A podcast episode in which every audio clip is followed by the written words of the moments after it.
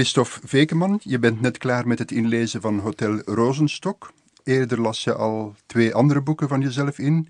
Iedereen kan het uit 2001 en Marie uit 2013. Hoe is het om je eigen boeken integraal voor te lezen? Uh, je vraagt het mij nu meteen na lezing van het tweede deel. En dan moet ik eigenlijk helaas antwoorden frustrerend. Want ik heb het voorgelezen uit het boek dat al gedrukt is. Het is nog niet in de handel, maar het is wel gedrukt. Ik heb er één exemplaar van. En ik heb toch weer twee fouten uh, aangetroffen die ik uh, nog zou veranderd hebben, mocht het nog kunnen. Tijdfouten of taalfouten? Zetfouten, ja. Ja? Ja, dus dat is een beetje jammer, maar verder, afgezien daarvan, uh, vind ik het wel prettig. Ik lees sowieso graag voor het eigen werk. Al moet ik daaraan toevoegen dat een boek als Hotel Rozenstok uh, meer bedoeld is om ja, stilzwijgend te lezen dan als audioboek. En dat uh, zeg ik omdat ehm, er staan heel lange zinnen uh, in die soms de nodige longinhoud vergen uh, om, om uh, geformuleerd te krijgen hardop. Maar vooral ook omdat er heel veel haakjes, gedachtenstreepjes, cursiveringen en dergelijke in de tekst staan, die je natuurlijk heel moeilijk kunt verklanken als je het voorleest. Dus daarom is het misschien net iets minder evident om, om, om dit boek uh, te horen of te beluisteren dan het is om het te lezen. Ja, maar uh, het valt niet op, de zinnen lopen vlot. Dus, Dankjewel Mark, ja. ik ben zeer gerustgesteld ja. daardoor. Lees je hardop bij het schrijven? Soms? Je bedoelt werkelijk hardop dat mensen het kunnen? Ja. Nee, want uh, ik uh, woon samen met mijn geliefde en die heeft al uh, in voldoende mate een krankzinnige indruk van mij. Dus als ze mij ook nog eens hardop zou zien of horen schrijven, dan, dan is het hek helemaal van de dam. Maar het is wel zo dat ik, net zoals wanneer ik een boek lees, ehm, ik de taal laat resoneren in mijn hoofd, mm -hmm. kan je zeggen. Dus ik hoor het in stilte. Mm -hmm. Het is ook een bijzonder grappig boek. Het is uh, heel lang geleden dat ik nog zo vaak heb moeten glimlachen het bij het boek. Ja. Dat is tof, uh, dankjewel. Kreeg jij nooit de slappe lach bij het schrijven of bij het inlezen? dat gebeurt mij inderdaad. Dat zei, ik zei er net van, ze heeft al in voldoende mate, mijn geliefde, een krankzinnige indruk van mij. Wel, dat, die is deels gebaseerd op het feit dat ik soms hardop lach en terwijl aan de schrijftafel zit. Ja, ja. Dat de... ze denkt van ja, het is, het is, je zit heel goed op drijfveer, je zit weer heel tevreden met jezelf, maar ik kan er niet aan doen. uh, als, ik, uh, als, het, ja, zo, zo, als je een grap maakt als schrijvende, dan bedenk je die grap niet op voorhand. Dan, dan zie je die grap ook maar ontstaan. En dan kan het gebeuren dat ik uh, grinnik. Ja, de ik-persoon van Hotel Rozenstok blijkt na een kwart van het boek meneer Wekeman te heten. En ergens in de helft staat er: Mijn naam is Christophe. Uh, even een lakmoesproef om uit te vissen of Christophe Vekeman de schrijver en Christophe Vekeman de ik-persoon van het boek helemaal samenvallen.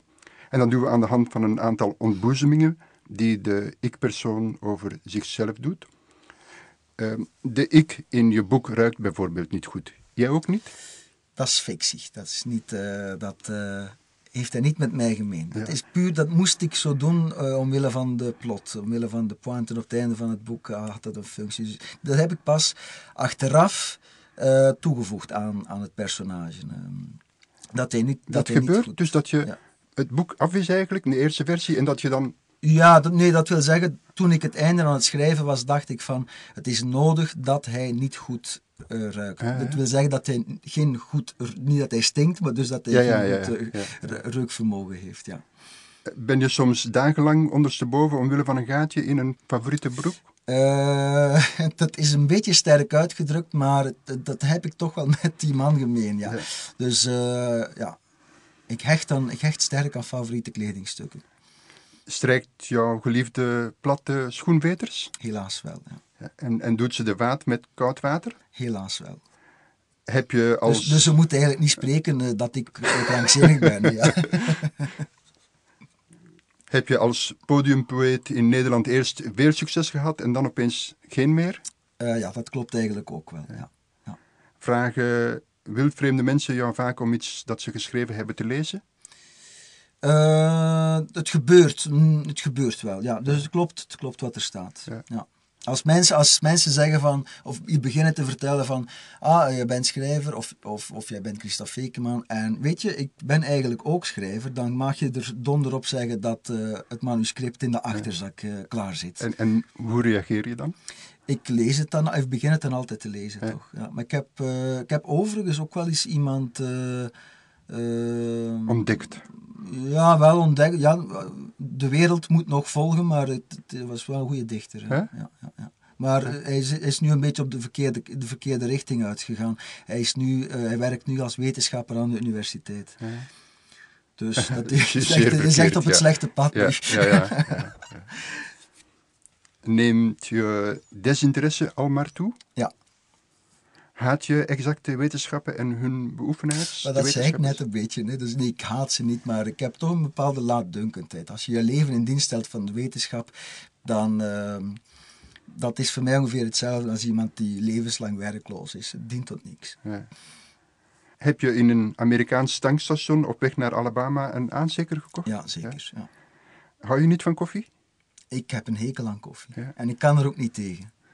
En ik zie dat je geen horloge draagt en je stroopt meestal je mouwen op, zoals nu. En je debuut gaat inderdaad over de liefde van een jongen voor zijn Opel Kadett. Conclusie, jij mag het zeggen? Uh, het is een door en door autobiografisch boek dat uh, in de loop van de roman uh, eigenlijk achteraf bekeken min of meer autobiografisch blijkt. of blijft beter. Ehm, maar dat toch weinig gemeen heeft met andere autobiografische romans. In die zin dat de werkelijkheid, waarop autobiografische romans nu eenmaal doorgaans gebaseerd zijn, in dit boek zwaar met voeten wordt getreden. Het is eigenlijk een boek dat wil afrekenen met de werkelijkheid en de wereld. En uh, dat toch gelijkertijd op die werkelijkheid wel gebaseerd is. Dat klinkt eigenlijk allemaal een beetje ingewikkelder en, en filosofischer en metaliterairder dan, dan het is, denk ik, wanneer je de roman leest. Mm. Maar, uh, maar ja, daar komt het toch wel een beetje op neer. Ja. In het begin van Hotel Rozenstok breekt de ik-persoon zijn potlood, hangt hij zijn pen in de wilgen en besluit hij om te stoppen met schrijven. Maar toch heeft hij nog inspiratie genoeg. Wat is er dan wel aan de hand?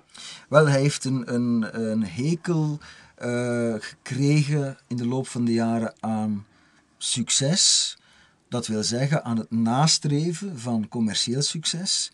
Uh, en, en misschien ook wel baseert hij die hekel een beetje uh, op wat hij ziet wat er zoal gebeurt met schrijvers die plots succesvol winnen.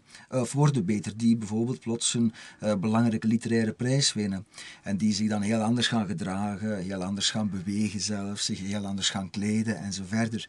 En Christophe Fekeman uh, van het boek, die zegt van, ja, als dat is wat succes met je doet, als succes iets is dat niet meer nastrevenswaardig is, ja, waarom zou je dan eigenlijk nog verder schrijven? Want uiteindelijk uh, uh, concludeert hij, succes is voor losers. Ik wil helemaal geen succes hebben. Ik wil niet staan glimmen wanneer mijn uh, literaire prijs wordt uitgereikt. Ik wil eigenlijk uh, toch eerder een, een nu spreek ik een beetje meer over mezelf, maar meer een cultschrijver zijn en blijven. In plaats van als een soort van politicus te worden gefeteerd door, door uh, grote massa's mensen. Je, je hebt in de lage landen vastgesteld dat uh, dat wat doet met de psyche van een Ja, winnaar. ik merk dat, dat, uh, dat uh, arrogantie van schrijvers die succesvol worden, of relatief succesvol worden, toeneemt. Hm. Ik merk dat wanneer mensen bijvoorbeeld een bepaalde prijs winnen, die 15 jaar geleden of 20 jaar geleden ook door Hugo Claus gewonnen is, dat die mensen door het winnen van die prijs zich vanzelf op dezelfde hoogte als Claus gaan, gaan stellen. Uh, niet gehinderd door het feit dat zij bijvoorbeeld niet een boek à Het verdriet van België hebben geschreven. En dat is een soort van waan waarin men uh, terechtkomt, blijkbaar als je te veel of, of te snel of ja, succes verwerft. Door dat te schrijven en door dat te zeggen, trap je daardoor niet op de zere tenen van, van je collega's? Uh, laat ons hopen van wel. Hè? Ja, ja, ja.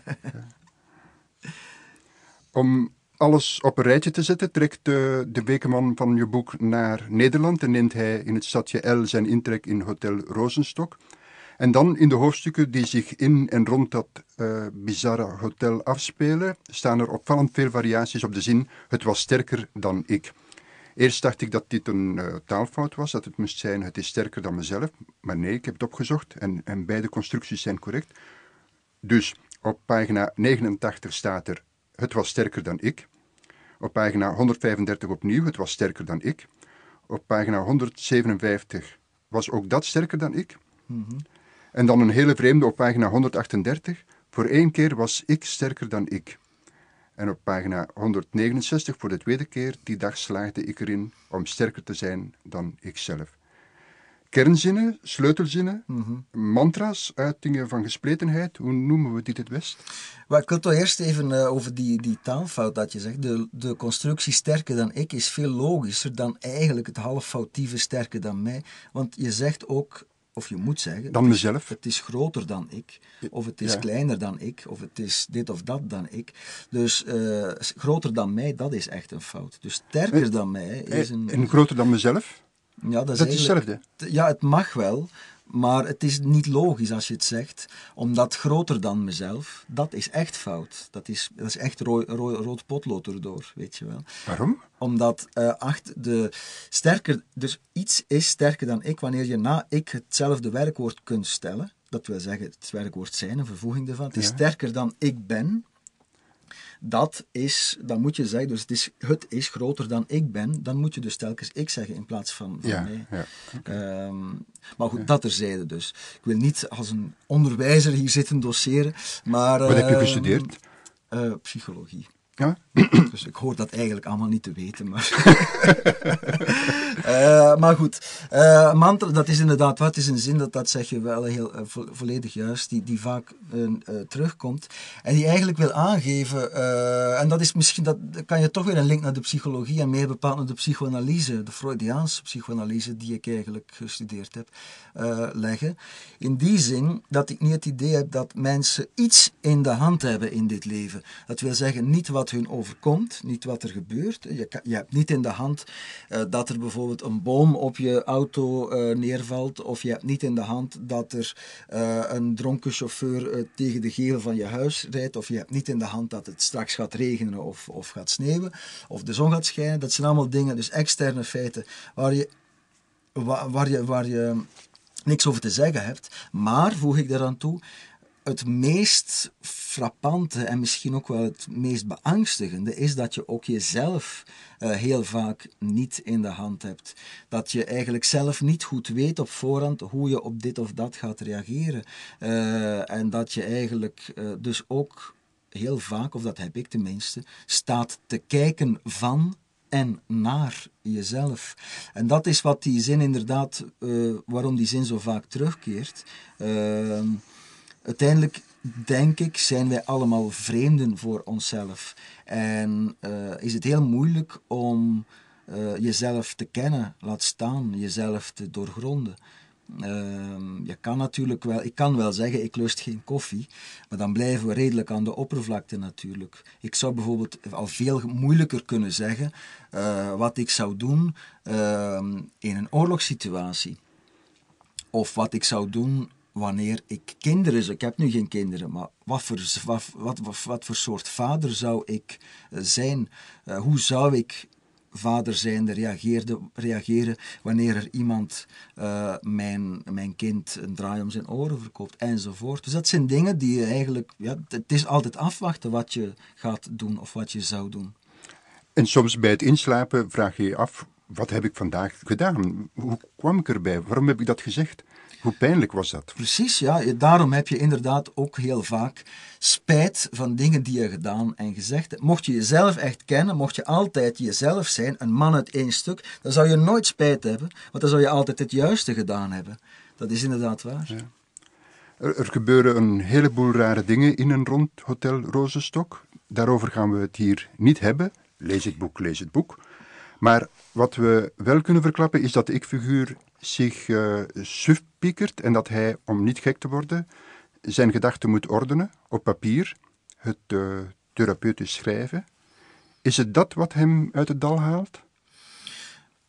Ik weet niet of het echt therapeutisch schrijven is, want therapeutisch schrijven, daar versta ik iets zonder. Dat is meer de kwestie van, van Marie, van mijn vorige boek. Uh, je maakt iets mee in het leven en dat ga je vervolgens gaan beschrijven, of op basis daarvan ga je dingen gaan schrijven ter verwerking van bepaalde trauma's. Bijvoorbeeld een geliefde sterft. Dat is eigenlijk, de, de inst, of dat is eigenlijk waar Marie min of meer over gaat. Maar in dit boek is het echt, uh, gaat het niet zozeer over de verwerking van een trauma dat gebeurd is, maar meer uh, over wat er gebeurt wanneer een schrijver, een echte schrijver, iemand die niet genoeg heeft aan de realiteit, maar echt ook een nood heeft aan fictie en aan fantasie en, en de verwoording van die fantasie, wat er met zo iemand gebeurt of kan gebeuren als hij stopt met schrijven. Want je kan wel zeggen, ik stop met schrijven, want ik heb geen succes, of ik wil geen succes, of, of die of die reden, of ik heb geen uitgever meer, of niemand... Er zijn duizenden redenen om te stoppen met schrijven. Maar als een echte schrijver stopt met schrijven, stel ik mij voor dat dat schrijven, de nood om te schrijven, de nood aan fantasie en aan fictie, sterker is dan hij. je hebt het ervaren. Ik heb het niet ervaren, want ik ben nooit gestopt met schrijven. Dus dat heb ik niet gemeen met uh, mijn hoofdfiguur. Een van de prettige kanten aan boeken lezen is dat je woordenschat erop vooruit gaat. Er staan in uw boek enkele woorden die ik niet kende. Dystopie bijvoorbeeld. Ah ja, een dystopie is het omgekeerde van een utopie. Dus een utopie is een kunstwerk, een roman of een film waarin een ideale wereld wordt uh, geschetst. Hè. Uh, bijvoorbeeld het boek Utopia van uh, Thomas More. Een dystopie is het tegenovergestelde. En bekende voorbeelden daarvan zijn bijvoorbeeld Brave New World van Huxley of 1984 van George Orwell of Clockwork Orange van Burgess.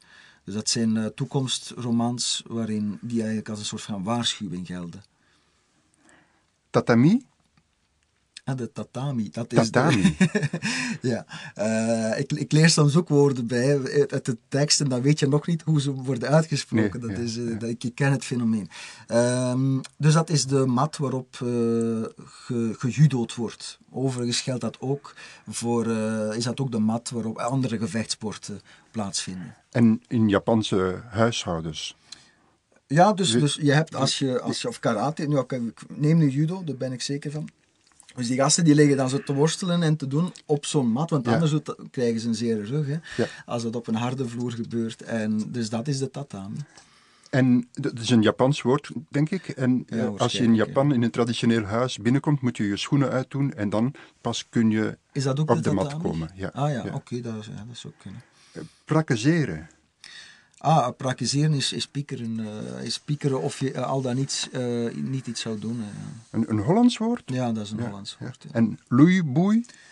Loeiboei is een, wat dan heet een neologisme. Dus dat heb ik zelf uitgevonden. het is een beetje een variant op een brulboei. Brulboei is een schreeuwlelijk iemand dus, ja. En een loeiboei, ja, dus loeien is een min of meer een synoniem van brullen. Vandaar dat ik via brulboei op loeiboei ben gekomen. Maar in Nederland, heel gek, zijn er campings die loeiboei heten. Is het waar? Ja? Dus je hebt, je hebt gegoogeld, hè? Eh, ja, ja, ja. of was dat parate kennis? ah, ik heb ook uh, gekeken of er een hotel ja. Rozenstok was. Ah ja, dat, dat bestaat niet. Dat nee, heb ik ook nee. gekeken. Een roze struik ben ik ergens tegengekomen. Maar, uh, Wat betekent ro rozenstok? Ah, weet dat, dus, ah, ja, dus, ik weet het wel, maar... Ah, ja, dus, ik wist het ja, ik wist het ook eigenlijk niet. Ik had het dus het, uh, in het begin toen ik het boek begon te schrijven. Hè. Dus rozenstok is dat deel van het gebeente van een mannelijk hert dat permanent is. Dus het gewei van, het, ik zeg nu gebeente, ik bedoel het gewei, het gewei van een man, mannetjeshert valt elk jaar af.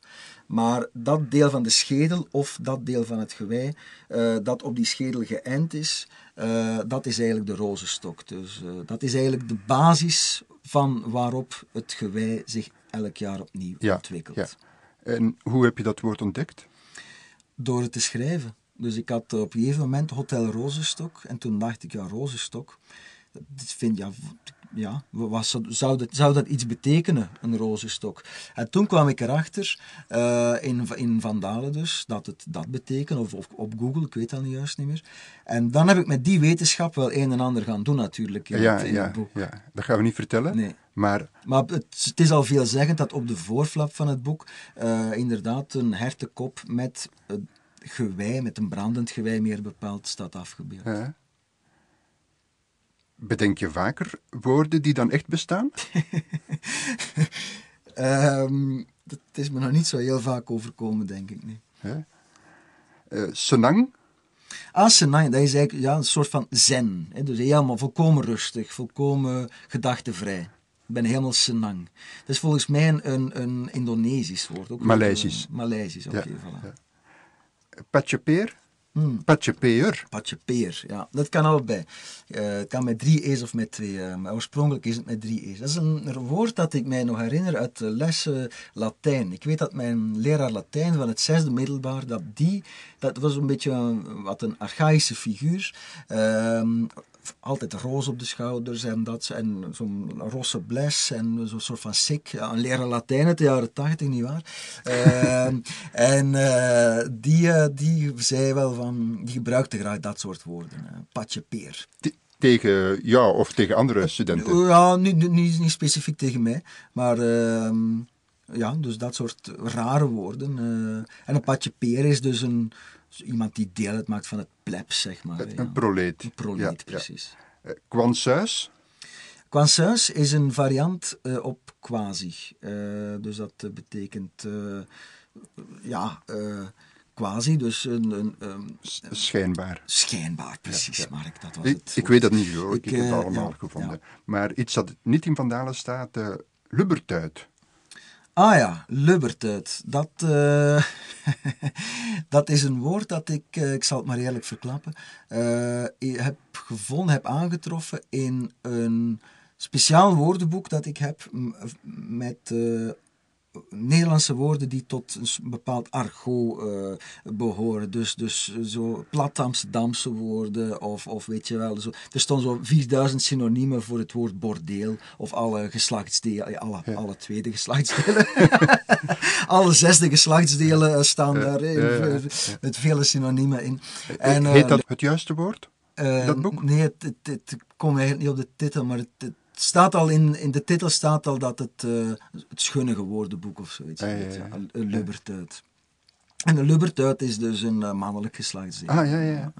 Dat bleek niet uit de context, geloof ik. Nee, het wordt gebruikt voor een, uh, een oude man, die, dus die zeer antipathiek is. Dus het is, je noemt, of de Christophe Ekeman in het boek, noemt een man een lubbertuit, zoals jij hem ook een lul zou kunnen noemen. Ja, ja, ja. Dus in die zin klopt het dan weer. En dan snollebol, is iets gelijkaardigs. Slet, slet, ja. En dan uh, het laatste, kwekkenboomkroket. De kwekkenboomkroket. Dan ben jij nog niet vaak in Amsterdam geweest. Toch? Toch wel. Uh, de meeste bakkers... Uh, dus je hebt in Amsterdam kroketten uit de muur. En dat is mhm. natuurlijk bekend, dat is van Febo. Maar je hebt ook verse kroketten die je kan kopen. Zoals Christophe Eekman in het boek doet. bij bakkers. Dus bij ons verkoopt een bakker brood en zoete dingen meestal. Hè. Maar daar in Amsterdam heb je vaak dat bakkers ook de kwekkenboomkroket serveren op een broodje dan. Ehm, en dat is een, een hoogstaande, zeer smaakvolle rundvleeskroket. Ah, ja? Een echte aanrader. Dus de volgende keer dat je in Nederlands hoofdstad bent, moet je je linea recta naar een warme bakker begeven en zeggen, broodje kwekkenboom alsjeblieft. Oké, okay. dat zal ik doen. Uh, welk boek ben je thuis aan het lezen?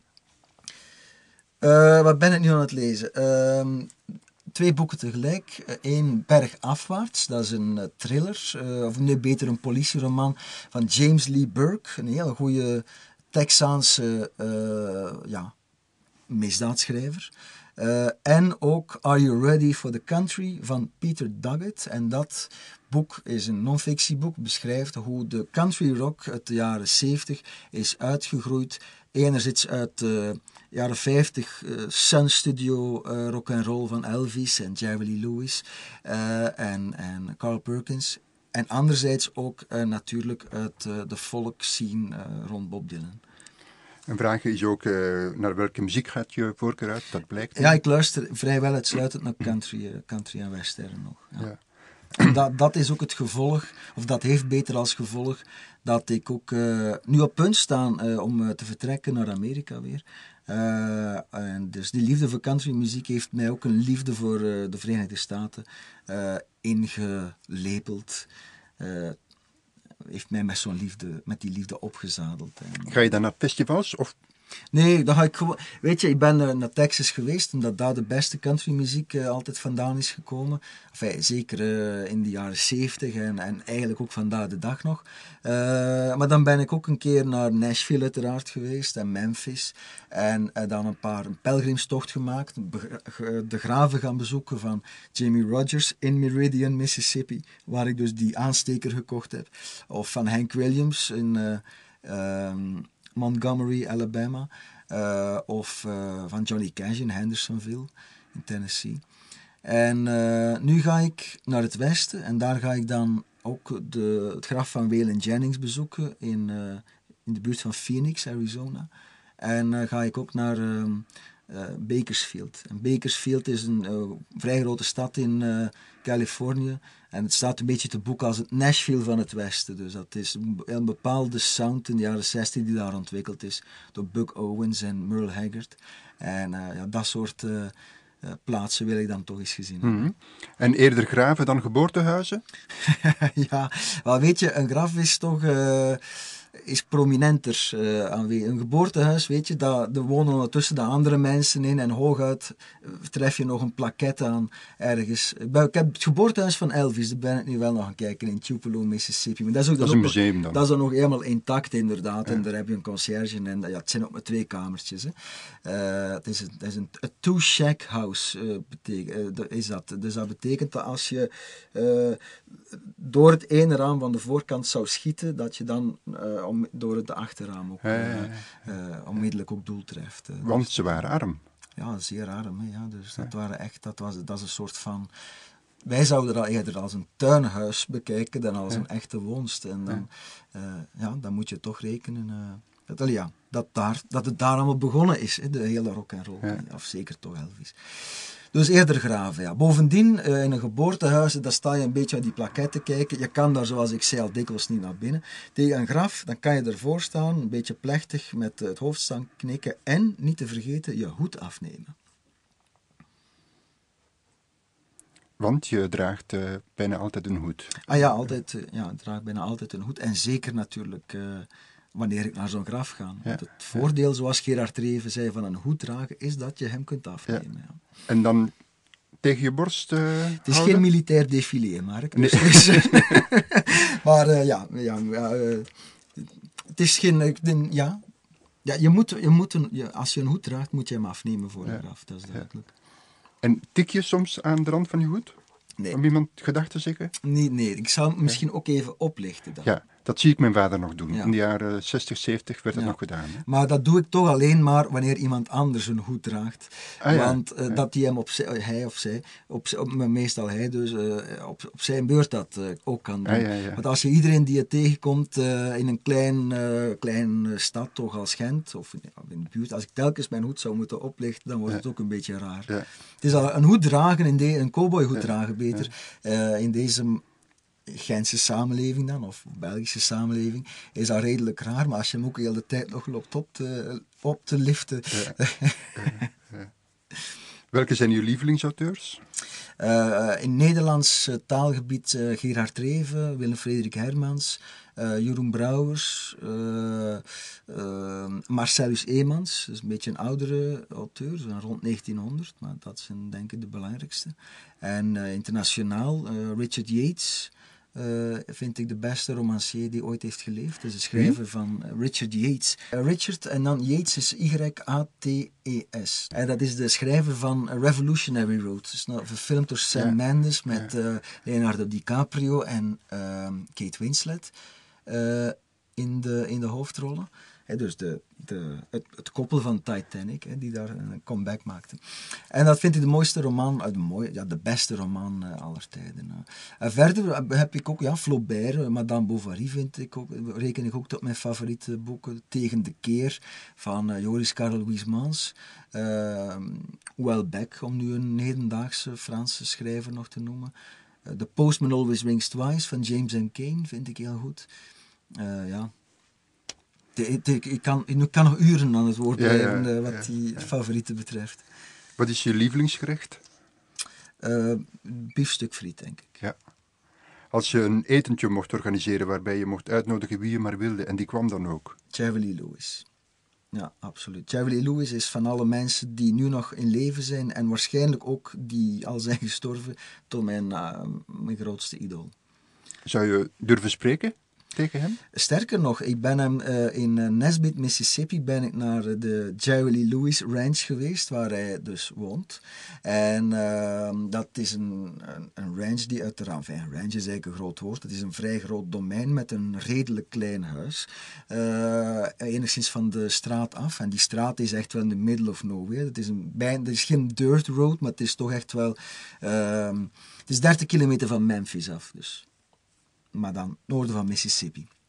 En uh, dus was ik een beetje aan het kijken tussen de tralies van dat hek en, en toch in de hoop om uh, Jerry Lee eh, te, te, te zien. En sterker nog, uh, want soms ben ik echt wel overmoedig. Ik, was, ik verkeerde eigenlijk half in de veronderstelling, ook op voorhand al, ehm, van als Jerry Lee mij ziet, gaat hij mij onmiddellijk herkennen als een zielsverwant. en, mij, en mij dus op de, op de whisky uitnodigen. Maar ik geef toe, op een bepaald moment zag ik uh, een redelijk gezet iemand. Uh, Jerry Lee Lewis is, is, een beetje aan de zwaardere kant ondertussen. Hij is 79 ook al. Hè. Zie ik die nou, op mij afkomen. En toen ik dacht van, zou dat de killer zelf zijn, voelde ik toch wel een opwinding die ik nog niet vaak eerder uh, ondervonden had. Maar het bleek dus de domeinmanager. die kwam zeggen die eigenlijk een praatje kwam slaan. Dus die zei van Jerry Lee is op dit moment uh, in Moskou, of all places. Uh, maar hij komt overmorgen terug enzovoort. Maar ja, kijk, maar die kwam een beetje vertellen dat we dan naar het Jerry Lee Lewis Café moesten gaan in Beale Street in Memphis. Ik wist niet dat dat er was, maar dat hebben we dan ook gedaan. En zo, zo zijn we toch nog, zo ben ik toch redelijk dicht bij hem gekomen. Ja, ja, ja. Hoeveel handdrukken van hem ben je verwijderd? Ik ben, ik ben eigenlijk maar één handdruk van hem verwijderd. Hè, Door die man, heb, die heb je heb die Door het hekken? Nee, want hij heeft het hek open gedaan. Ah, ja, ja. ja, ja. Dus ik, ik, ben, ik heb zelfs op het domein van Jerry Lewis ja. uh, uh, gestaan. Mooi. ja, sommige mensen zijn trots op het feit dat ze, uh, ik weet niet wat gepresteerd hebben, ik ben op dat soort uh, bagatellen redelijk fier. Of in elk geval, ik ben daar nog altijd zeer enthousiast over, zoals je hoort. Ja, ja. De mooiste stad? De mooiste stad is Fort Worth in Texas. Ja. Waarom? Omdat daar nog echte saloons zijn, uh, met echt, uh, waar ook het vee nog door de straten wordt gedreven en waar nog echt in het historisch centrum van Fort Worth kan je je nog werkelijk waar in, uh, in het jaar 19, ik zeg nu iets, 1934 wanen. Ehm, maar toch is het geen bokrijk? Nee, het is geen bokrijk. waarom? Omdat de mensen daar wel degelijk Ehm, nog altijd precies hetzelfde doen als, als in Dus het is ook nog altijd de grote feeststad van, van, uh, van Texas. En daarmee waarschijnlijk ook een van de grote feeststeden van, van, de, van de Verenigde Staten. Dus men doet daar niet zomaar iets na. Nee, men is daar nog altijd heel sterk aan het zaken doen met, uh, met, met, die, met die Longhorns. En uh, zoals bijvoorbeeld Dallas, dat is de zusterstad van Fort Worth, nog altijd heel ernstig zaken wordt gedaan met olie. Zo gebeurt hetzelfde daar met, mm -hmm. met, die, met die koeien. Je geliefkoosd plekje natuur, ook in Amerika neem ik aan? Wel, uh, laat ons aannemen dat ik daar dus straks naartoe ga gaan. Uh, en dan zou ik durven te tippen, uh, of durven te hopen op... De Grand Canyon. Ja, de Grand Canyon. Maar weet je, Grand Canyon is natuurlijk een woord. En, en ook qua foto's dat, dat, dat al zo'n beetje aftans, een beetje versleten is ondertussen. Maar aan de andere kant, misschien de Grand Canyon, maar misschien ook Death Valley. Uh, daar gaan we ook doorrijden. En Death Valley is zeker in augustus uh, de warmste plek op aarde. Dus, dus net iets heter nog dan de Sahara. En um, daar ben ik toch wel zeer benieuwd naar. Dus men zegt van Death Valley, uh, als je al het risico neemt om er door te rijden. Door te rijden in? in of, Hoe moet ik mij dat Over- voorstellen? over- Beschrijf dat eens. eh. Ja, eh, ja, dus het is, het is eigenlijk een redelijk, redelijk vlakke eh, vlakte. ja, vlaktes zijn meestal vlak. Zoutvlaktes voor een, voor een deel. En dan heb je natuurlijk wel de, de nodige rotsformaties en zo verder. Maar het heeft dus niet die zeer. ehm, ehm, het, het is geen gebergte of iets. Dus het is, het is echt een woestijnvlakte die. Ehm, ja, eh, waar één asfaltweg door, door eh, loopt. eh, één af en toe splitst die zich in tweeën, heb ik al gezien op de kaart. Maar ehm, het is vooral verzengend heet in die mate dat wanneer je parkeert aan de kant van die weg, dat je eigenlijk niet kunt wandelen, want de zolen van je schoenen zouden smelten en erger nog, de banden van je auto ook.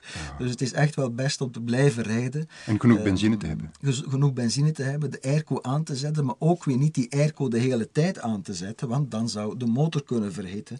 En eh, dan, dan heb je ook weer problemen. Dus laten we zeggen, Death Valley is een plaats op deze aarde waar je werkelijk hoopt dat er niks gebeurt. Dus dat alles gewoon op eh, wieltjes blijft lopen of gaan of rijden.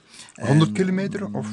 Ik eh, vermoed dat het. eh, ik denk dat we er 3,5 uur rijden, dus het zal eh, 150 of 200 kilometer zijn. Spannend. Het is wel redelijk spannend, maar aan de andere kant is het nu niet zo dat je, als je daar inderdaad pannen hebt, dat je daar drie dagen lang eh, geen, geen andere auto tegen gaat komen. Hè. Maar dat, dat lijkt mij wel, dat is nu toch een stukje natuur, als je het vraagt, dat mij al een hele tijd fascineert. Ook al, al was het maar om die temperatuur ook aan de lijve te ondervinden. Ehm, we kunnen het erover eens zijn, nog jij, want je bent er nog niet geweest, nog ik, hebben ooit al een dergelijke warmte ervaren. En ik vind warmte sowieso wel iets, een, een, een van mijn favoriete natuurfenomenen. Hitte. Zoals ook in Hotel Rozenstok eh, een eh, genadeloze hitte heerst voortdurend. Is het leven een kruisdraging of een pluimpje? Wat is toch eer, eh, ja, als je tussen die twee moet kiezen. Het is vluchtig als een pluim in de wind, maar ik ervaar het zoals de meeste mensen toch wel als eh, behoorlijk zwaar. Ja. Eh, kruisdraging is misschien wel al te sterk uitgedrukt. Want Dat is een term van Gerard Reven trouwens. Ja, ik, wel, ik denk dat het voor Reven nog, moeilijker, nog veel moeilijker was dan voor mij. Je hebt nu eenmaal mensen die, laten we zeggen, ongelukkig ter wereld komen. Ook al zijn de omstandigheden relatief goed en ook al eh, komen zij niet eh, ter wereld in grote armoede of in een oorlogsgebied of wat dan ook. Maar ehm, het is, geluk is vaak wel een kwestie van karakter. En Greven had zeker een karakter dat had zeker geen groot talent voor geluk, om het zacht uit te drukken. Eh, en ik misschien ook niet van, van nature uit, maar het leven is mij tot nog toe, en ik klop nu op deze houten tafel, ehm, maar is mij tot nog toe redelijk welgezind eh, ge- geweest. Dus mocht ik nu mijn karakter volgen en zitten klagen over mijn leven, dan zou dat eh, hoogmoedig en eh, zondig zijn. Als je kon leven in het verleden of in de toekomst, wat zou je kiezen? In het verleden, heel zeker. Welke periode? Welke eeuw? Eh, wel, laat, eind 19e eeuw eh, vind ik heel goed, maar de jaren 50, eh, de jaren 60 en de jaren 70 zeker eh, eh, spreken ook zeer tot mijn verbeelding. Het hangt natuurlijk een beetje af van waar we dat dan allemaal situeren, maar de jaren 50, eh, laten we nu gewoon zeggen, als je België neemt, dan eh, zou ik best wel eh 20 willen zijn geweest eh, ehm, in mijn geboortejaar, 1972. Ja, Ik denk dat dat En dan heb je de oorlog niet bewust meegemaakt. Nee, dat nee die, ik moet niet per se een oorlog meemaken. Ik, heb, ik ben niet zo'n fan van oorlog. Of ik heb daar weinig fantasieën over. Ehm, nee, dat lijkt mij... Natuurlijk, we weten het allemaal. Als je zegt de jaren 70 of mijn part de jaren 20, dat is ook wel iets, dat spreekt ook wat op mijn verbeelding. Dan denk ik de tijd voor het internet en zo. De tijd dat mannen nog niet eh, in, eh, van die skinny jeans eh, droegen met een, met een lage taille die een halve reet blootliet. Dat waren betere tijden, maar gelijkertijd natuurlijk weten we allemaal wel dat het een beetje een, een romantische vlucht is. Eh, als je zegt, ik zou graag 20 zijn geweest in 72, ga je ook wel voorbij eh, aan heel veel nadelen die je dan zou hebben ondervonden natuurlijk. Hè. Maar het is een soort van principe van de echte romanticus en ik deel dat principe dus. Uh, vroeger was het beter. En de toekomst zal niets dan ellende en onheil brengen. Heel erg bedankt.